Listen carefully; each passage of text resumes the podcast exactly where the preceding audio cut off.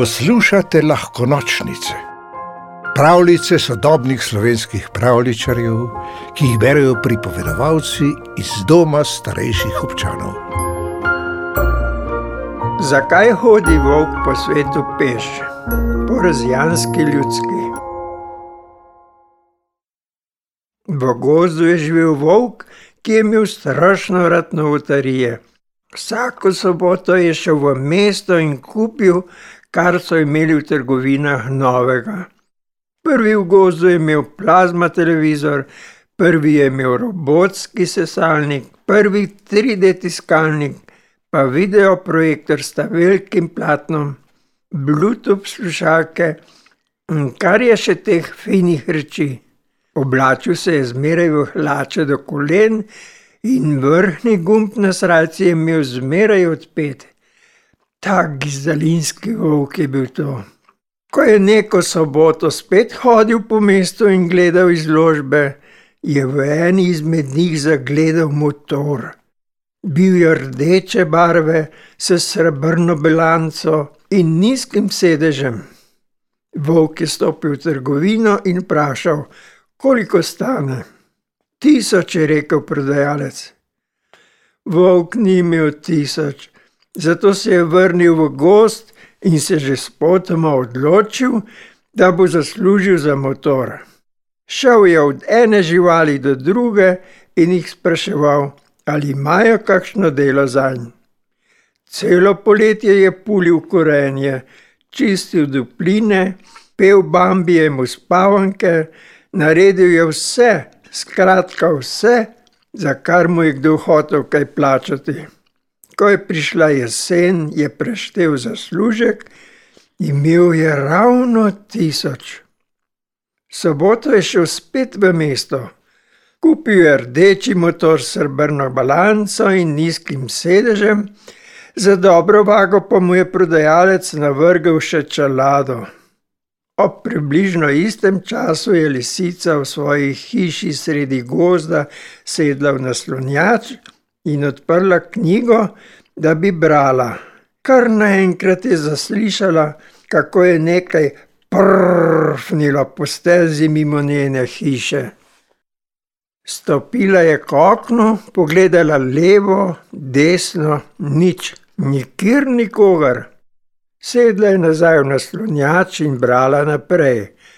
Pa spet zasliši, kako prihaja po stezi, samo da z druge strani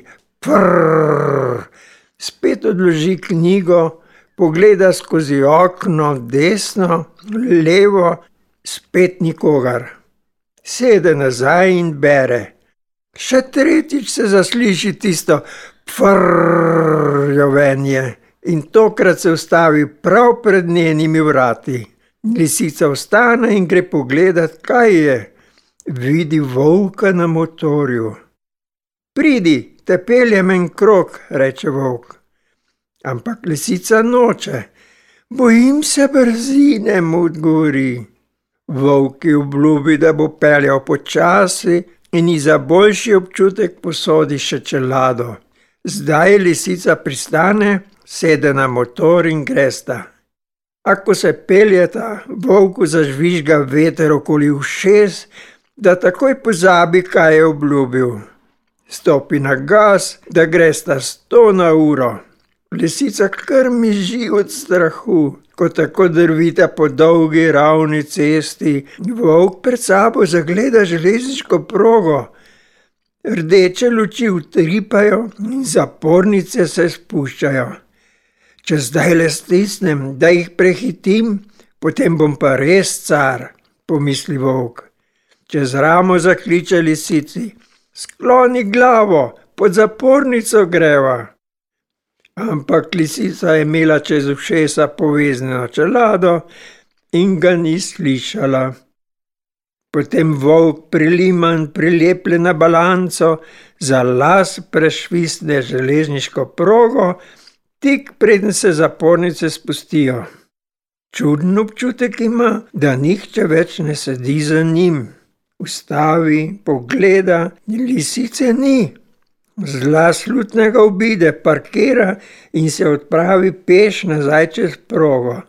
Tam gleda na okrog in jo kliče. Ava, ava, zasliši iz grma. Moja glava, moja glava. Stopi tja in vidi lisico, kako leži v znaku grmu. Zapornica jo je kar odpihnila z motorja, ker se ni pravočasno sklonila. Oprosti, lisica, reče volk, saj sem ti rekel, da se skloni. Ampak lisica sploh ni hotela nič slišati. Vrnila se je v gost in vsem gozdnim živalim povedala, kaj se je zgodilo.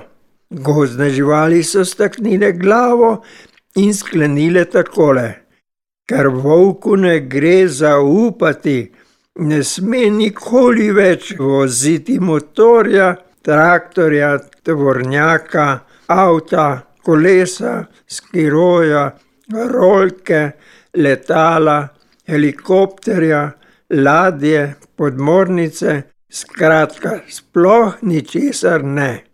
In od takrat naprej hodi volk po svetu, samo še peš. Pravljico napisala Ana Duša, pripovedoval Izidor Babnik. V deželo princesk, zmajev, gozdnih vil in ostalih čarobnih biti ste vabljeni vsak večer. Novi pravljici prisluhnite na lahkonočnice.si. Pa lahko noč.